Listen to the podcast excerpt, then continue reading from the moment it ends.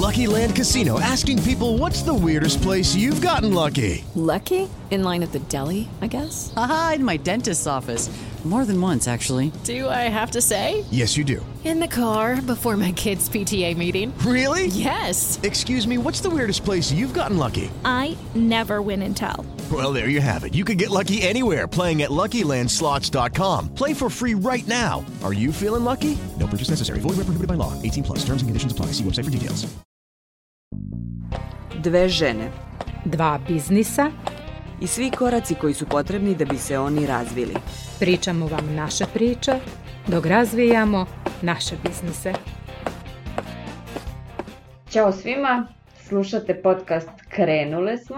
Ja sam Aleksandra Bučko iz Fabrike kreativnosti. Ja sam Vladimira Dorčova-Valtner iz VDV Media. Danas pričamo o nečemu kao što smo i u prošlom izdanju najavile, što je još uvijek neka misterija u, u svetu svih koji se bave prosto stvaranjem i autorskim stvaranjem, a to je u stvari autorsko pravo. I smatramo da je važno o tome pričati zato što nas dve svakodnevno u radu nailazimo na sve te prosto začkoljice i nesigurnosti. I mislim da nismo čak ni kao, skroz dobra instanca za to, uvijek se treba konsultovati sa advokatom, pogotovo kad su te stvari u pitanju, ali možemo da pričamo o tome, da otvorimo tu temu i da vidimo koja su naša iskustva i kako mi prosto plivamo kroz te vode autorskih prava. Pa pre nego što pričamo o autorskim pravima, možda je dobro da na početku u stvari spomenemo termin intelektualna svojina, zato što u stvari autorska i srodna prava spadaju pod tu oblast. Intelektualna svojina obuhvata različite oblike originalnih kreacija i ima neke dve podvrste i samo na početku da spomenem da naša država ovu oblast, odnosno oblast intelektualne svojine uređuje i, i zakonski, odnosno postoji zakon o intelektualnoj svojini, tako da prvo neko mesto ili stanica gde se informisati i o autorskim pravima jeste baš zakon o intelektualnoj svojini, a koje su to dve podvrste intelektualne intelektualne svojine, jedna je industrijska, druga jesu prava autorska i srodna. Kada kažemo industrijska svojina, intelektualna svojina, to znači da ovde spadaju razni patenti, žigovi, industrijski dizajn, oznake geografskog porekla, biljne sorte i tako dalje i tako dalje, a onda možemo kao o drugoj podvrsti pričati o autorskim i srodnim pravima. Ono što je na neki način zanimljivo da se u poslednje vreme jako često spominje i takozvana meka intelektualna svojina, a to su u suštini različita znanja, iskustva, poslovne tajne. Na primjer, to je recimo baš jako zanimljivo, posebno zato što i kod nas je jako puno novih konsultanata različitih, znači ljudi koji razvijaju nečije tuđe poslovanje, Tako da uvek je super zaštititi to svoje iskustvo i znanje, a to se uglavnom štiti, ako mogu tako da kažem, potpisivanjem nekog ugovora o poslovnoj saradnji i ugovor o poslovnoj tajni. Mislim da se tako naziva. Imam iskustva sa time, u par navrata sam ja potpisivala kada sam sarađivala sa jednom firmom, tako da mislim to nije ništa novo od pre, ne znam, godinu, dve, to postoji već godinama, samo možda manje se o tome priča u javnosti, mislim to i preduzetničkoj javnosti, tako da je lepo znati i ovu informaciju da ako recimo među našim slušateljkama postoji neko ko je konsultantkinja u bilo kojoj oblasti, kako može da zaštiti eto to svoje iskustvo i znanje, jeste da se u stvari potpiše ugovor između nje, odnosno konsultantkinje i tog klijenta. Pa da, u suštini super je što si skrenula pažnju na to, zato što mislim da mi često, pogotovo sada kad imamo te meke veštine, to sve nekako podrazumijemo pa, ka, pa šta reci mi? I onda dolazi do toga da neko istražuje, sedi, uči, radi na sebi, pravi strategije, planove, nebitno. I neko kaže pa šta reci mi samo, mislim. Tako da je važno da... A to ti je samo par klikova, pet minuta, što? A u stvari je godine i godine rada na sebi, da, upravo to. Zato je važno da pričamo o autorskim pravima, u stvari o intelektualnoj svojini, zato što time štitime sebe i štitimo svoje znanje i ono što mi vredimo i što nas odvaja od drugih. Mislim, ako je to samo pet klikova, onda neko treba da uradi tih pet klikova. Evo ti izvoli kompjuter, napravi tih pet klikova, tako Da. je. Mislim da bi bilo dobro da ispričamo o tome kada smo se mi susrele sa tim i počeli malo više da razmišljamo o autorskim pravima. Što se mene tiče, tu je bilo pre par godina na jednom seminaru. Upravo o autorskim pravima, mislim da je Nezavisno društvo novinara Vojvodine to organizovalo i došao je jedan advokat da priča malo više o tome. To je bila s s jedne strane, s te pravne strane i neke stvari su mi još uvek ostale u, u malom mozgu onako. A druga stvar je kada sam u stvari izdala knjige za koje sam potpisivala autorski ugovor i nisam znala šta sve mogu ili na šta sve imam pravo. Mislim, naravno nije ništa pogubno bilo, ali prosto nisam bila upoznata da i ja kao autorka imam, mislim, meni je bilo drago kao šta objavit ću knjigu, ali prosto može doći do toga da se izmanipuliše pravima koje autor ima, a o tome ćemo nešto kasnije, ono, spomenut ćemo nekoliko primjera. Kada si se ti možda susrela sa, sa autorskim pravima? Ti si duže i u novinarskom poslu, bila si i urednica i u hlas ljudu. Ja više sam se, bila sam u dodiru sa autorskim pravima u smislu da ja štitim i poštujem tuđa autorska prava i čim sam se, moje prvo radno mesto je bilo na RTV-u, na televiziji Vojvodine i to je nekako ono prva lekcija koju sam naučila od tadašnjeg urednika jeste da razmišljam ako želim da stavim neku onu pesmu u, u okviru nekog TV priloga, da razmišljam da li je to klasična muzika, da li imam prava ono samo kao da podvučem kao ne, nešto ispod neki instrumental ili moram da razmišljam ako upotrebljavam na primjer neku modernu, savremenu pesmu, savremenog izvođača, da treba da se prijavljuje nekom sokoju, nekoj organizaciji gde se plaćaju stvari ta neka autorska prava, te neke nisu takse, ne mogu da se setim izraza, ali od tada uvek razmišljam i kad koristim tuđe fotografije na sajtu, odnosno portalu, da ga potpišem, da ga pitam. I kada koristim, na primjer, fotografije sa tih ono, popularnih platformi i besplatnih fotografija, ja uvek napišem, iako tu je jako često je naznačeno da ne mora da piše, odakle je fotografija, ali kao da će taj autor biti zahvalan ako se spomeni, meni je to sasvim korektno, mislim ja ne želim da se predstavljam da sam ja napravila tu fotku, tako da eto ja uvek brinem o tuđim tim autorskim pravima i to mi je jako važno i mislim ne samo u tom novinarskom poslu, isto tako i u tom preduzetničkom, tako da kad god imam prilike ja uvek podsjetim koleginice, kolege, preduzetnice, novinarke, da kako poštujemo ili pričamo o poštovanju novinarskih nekih autorskih prava, da novinari moraju da poštuju, tako bi trebalo i u suštini svi mi kao najobičniji ljudi, ne samo preduzetnici, ja mislim posebno kada se radi o tim nekim privrednim subjektima i kao što je mediji i, i preduzeće i slično. Jeste, jedino što je meni još uvek dosta konfuzno kako sve tačno funkcioniše. U nekim aspektima znam kada su, na primjer, te platforme za besplatne efekte ili muziku ili fotografije, to je okej, to je negde, i to svi koriste i onda tako znamo da je to dobro, ali kada dođemo do nekog projekta koji je specifičniji, onda dolazi do tog nekog problema. Mi trenutno u Fabrici kreativnosti radimo već duže na jednom projektu, treba konačno da ga realizujemo krajem godine u vezi sa muzičkim i vizuelnim umetnicima.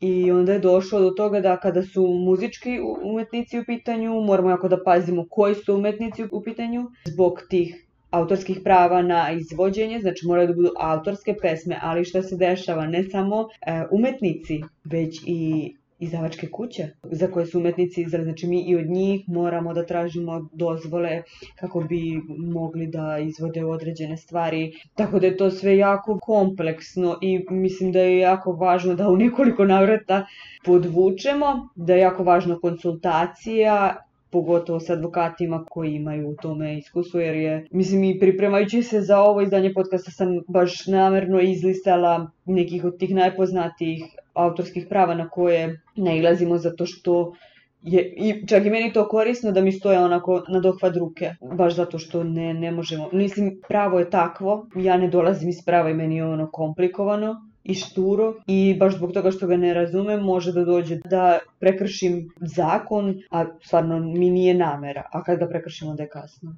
Pa zato sam namerno samo spomenula da postoji taj zakon o intelektualnoj svojini jer ni ti ni ja nismo pravnice i meni je pravo jako strano i svakako kada radimo sve i svi sa nekim autorskim pravima svojim ili tuđim i ni nije nam baš najjasnije šta možemo, a šta ne možemo uraditi. Mislim da je uvek super kontaktirati baš tog nekog pravnika, advokata koji se eto razume u autorska prava.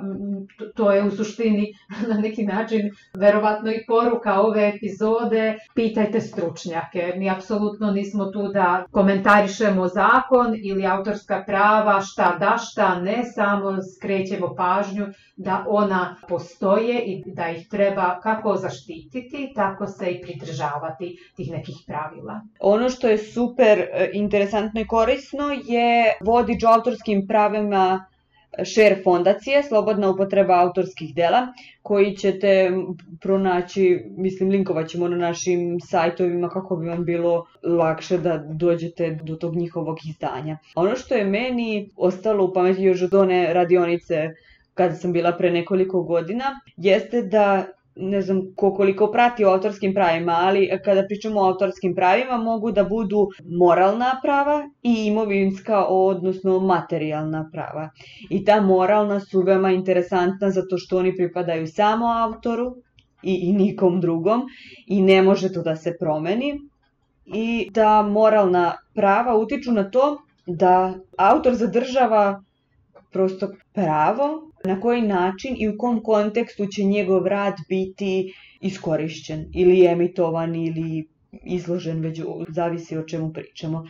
Tu je interesantan primer koji mi je ostao u pamćenju jeste kada je e, grupa SARS i Marcello, ja mislim, da su tužili SNS zato što su na svom mitingu puštali njihove pesme. Za SARS sećam se da je bila u pitanju pesma Buđa Vlevac i oni su rekli da je time narušena njihova autorska prava i da je to krađa intelektualne svojine i prikupljanje političkih pojena te stranke na koriz njih gde oni nisu bili pitani, uključeni, prosto konsultovani.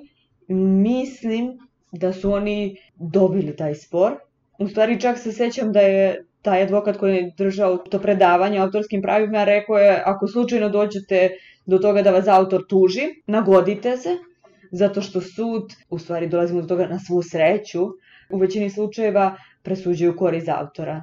Mislim, to je na svu sreću zato što treba da se zaštite autorska prava. Tu mogu da spomenem čak i slučaj Fabrike kreativnosti, gde je autor koji je objavljivao fotografije na Fabrici kreativnosti napravio jednu interesantnu fotografiju sunca koja je buknula i tu fotografiju su preneli mnogi bez da ga potpišu.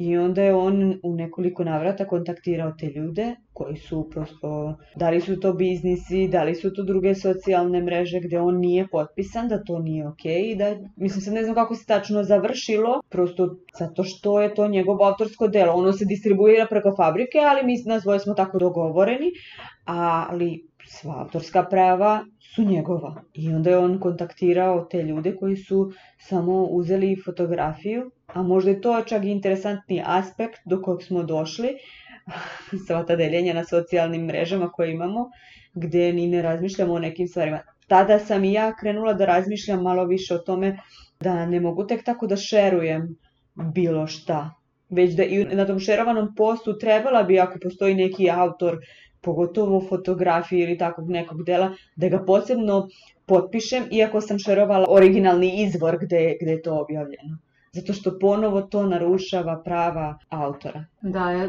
sećam se te fotografije, ta fotka je baš bila viralna i baš mi je drago što je autor u stvari kontaktirao sve te subjekte, tako da kažem i da ih je opomenuo jer to je taj prvi korak, a drugi korak je svakako tužba. Znam i pre par godina da su fotografi i fotoreporteri organizovali neku vrstu protesta baš zato što im se nije priznavalo autorsko pravo na njihove fotografije. Mislim da se na kraju skroz ok završila ta njihova akcija, taj njihov protest, znači u korist njih, tih fotografa i fotoreportera, ali to samo znači da je potrebno mnogo više da pričamo o autorskim pravima i, i da a, možda pratimo te konkretne zajednice, recimo da sam fotografkinja, trebala bih eto da budem deo zajednice fotografa, da se raspitam koja su moja prava i na koji način mogu da autorska prava zaštitim u stvari, tako da, da, da, a ta fotka je baš bila fantastična i drago mi je što, što je to postoje ljudi koji stanu javno u odbranu svojih prava. I to je veoma važno i treba da, treba da dižemo sve za toga. Prosto treba da poštujemo tuđi rad. Baš se spomenula da si izlistala sebi vrste autorstva, odnosno autorskih prava, koja su sve ta prava. Mislim, to što sam ja ono, uvek novinarka, pa sam sebi pripremila taj deo novinarskih autorskih prava, ali baš me zanimaju ove sve grupe, odnosno podgrupe.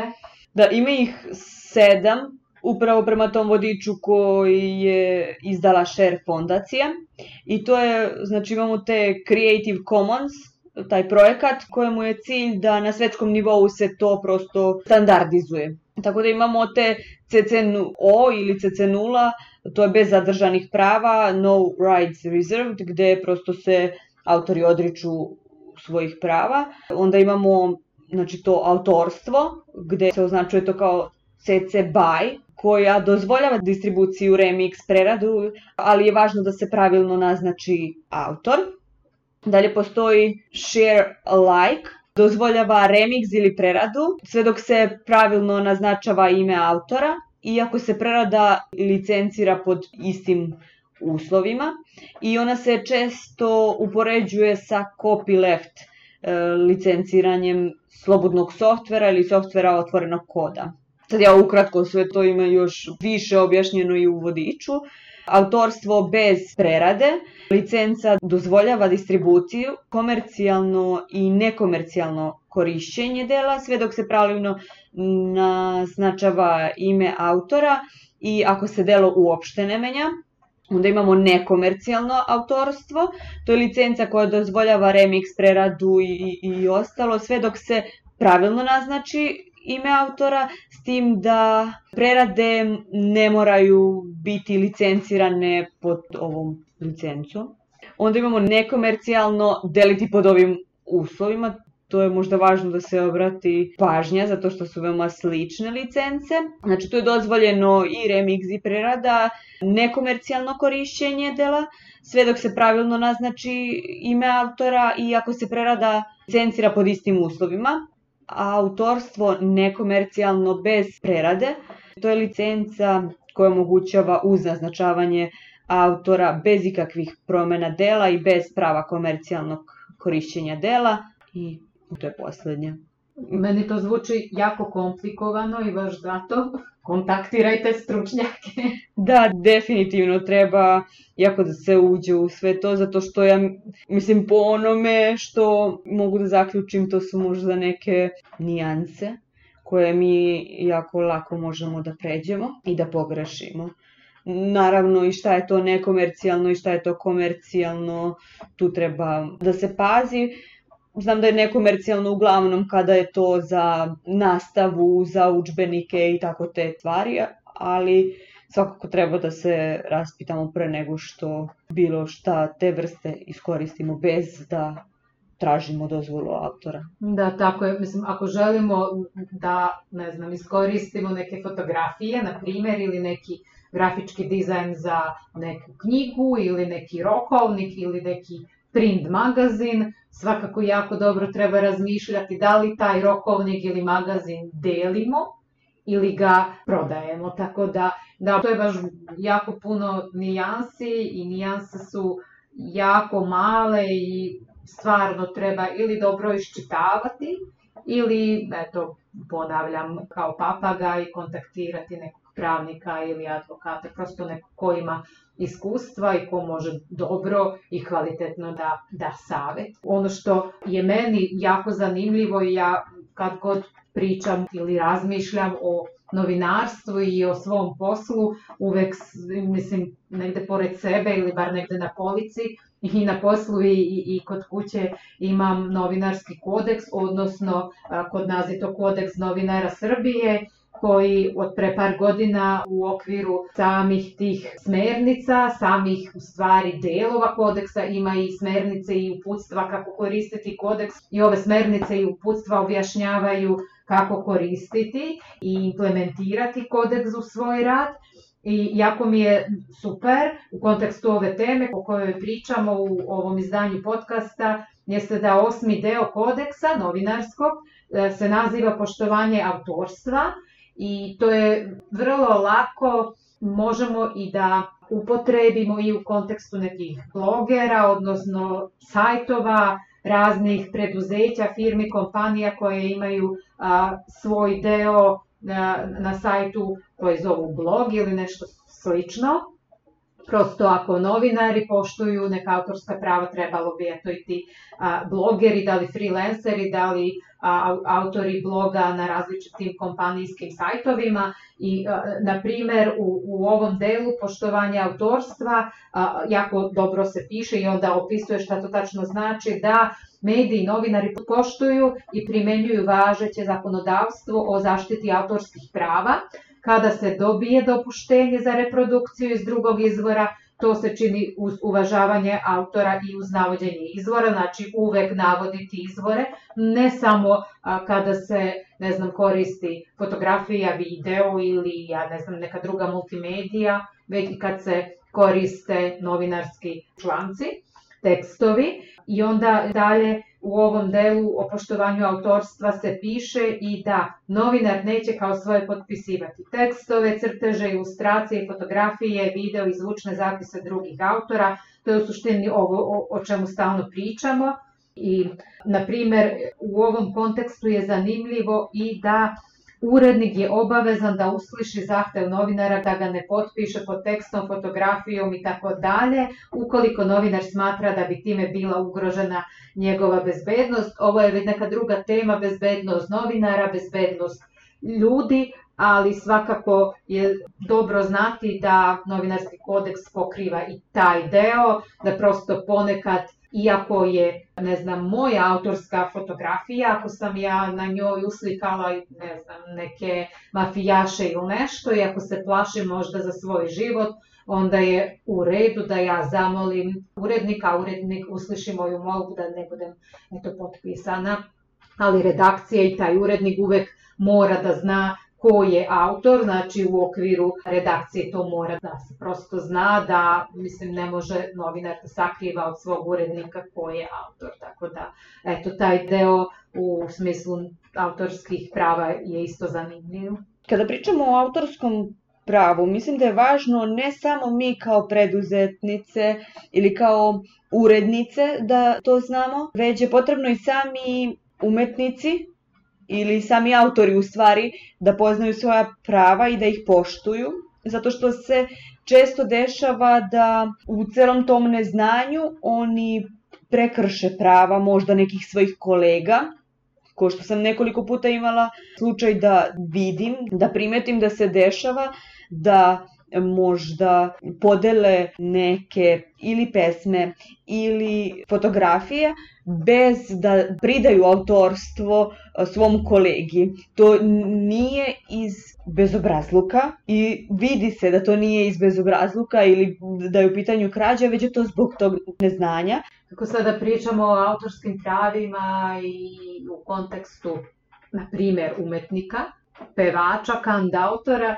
baš razmišljam da li kandautori koji naprave i svoju pesmu, znači i audio i tekst, Da li razmišljaju da je to njihovo pravo, da li su možda primećivali da im neko krade to autorsko delo i baš zbog toga sam odlučila, zajedno sa tobom naravno, da pitam Kant autorku iz Novog Sada, Dijanu Stena, šta ona misli o autorskim pravima, da li čuva tuđa autorska prava i da li štiti svoja autorska prava. Zdravo svima, ja sam Dijana Stena, kant autorka iz Novog Sada. Bavim se muzikom i pišem pesme na italijanskom jeziku. Veoma mi je drago što ste me pozvali da dam svoj mali doprinos ovoj temi i svaka čast na inicijativi s obzirom da se o ovome veoma malo govori u našim medijima, a veoma je potrebno govoriti o ovome. Ljudi generalno nisu svesni šta predstavljaju njihova prava, kako ih mogu zaštititi, a pogotovo kad govorimo konkretno o autorskim pravima kao nekim pravima novije generacije, tek je ovo polje veoma ako neistraženo e, u našoj zemlji i mislim da je veoma bitno zaštititi svoje umetničko delo, preduprediti možda neku krađu, pošto ona uopšte nije nemoguća, u ovom svijetu, konkretno u show biznisu ili muzici, svedoci smo da se pesme masovno kradu. Ja sam recimo svedok jednog primjera u kom sam ja učestvovala, odnosno obavestila sam autora koji je u Italiji, koji nije imao pojma da se njegova pesma masovno ovde peva i da je veliki hit, a da je kao autor potpisan neki tu naš lik koji veze nema sa ovim umetničkim delom. E, muzika je ostala identična, samo je tekst promenjen i pesma je generalno uskrnavljena. Tako da niko nema pravo bez vaše dozvole da koristi vaše umetničko delo u bilo kakve svrhe, da se pozajmljuje njime, da ga izmenjuje, da ga štampa, da, da radi bilo šta, da ga stavlja u promet bez vaše dozvole, apsolutno svako drugačije ponašanje bilo bi protivpravno. I ako dođe do toga, naravno, postoji institucija pred kojom se ova prava mogu zaštititi, a to je sud, mada nadam se da niko neće doći do ovog stadijuma. Zbog toga je važno prethodno e, zaštititi svoje prava. Postoje razne organizacije, institucije, razni mehanizmi pomoću kojih oni štite. Raspitajte se malo o tome.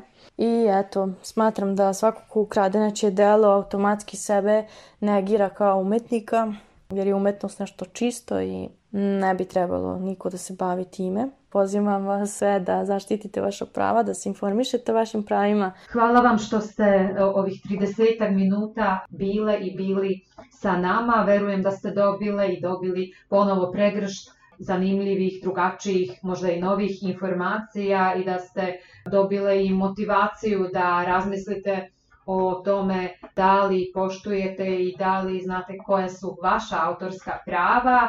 Za dve nedelje pripremamo novo izdanje podcasta, pošto je polako kraj godine, treba svesti račune da vidimo šta smo uradile tokom ove godine, da li na ličnom biznis ili social media planu i da vidimo da li ćemo i na koji način postavljati ciljeve za novu 2021. godinu. O tome da li analizirate prošlu godinu i kako planirate sledeću godinu nam možete pisati na Facebooku, to su profili Fabrika kreativnosti i VDV Medija Srbija, a na Instagramu F kreativnosti i VDV Medija, pa možete nam i napisati da li ste razmišljale o ovim našim autorskim pravima. Slušamo se ponovo za dve nedelje. Velika je tema pred nama, onako da se zapitamo. Tako da budite uz nas i pratite naš rad. Ćao! Ćao!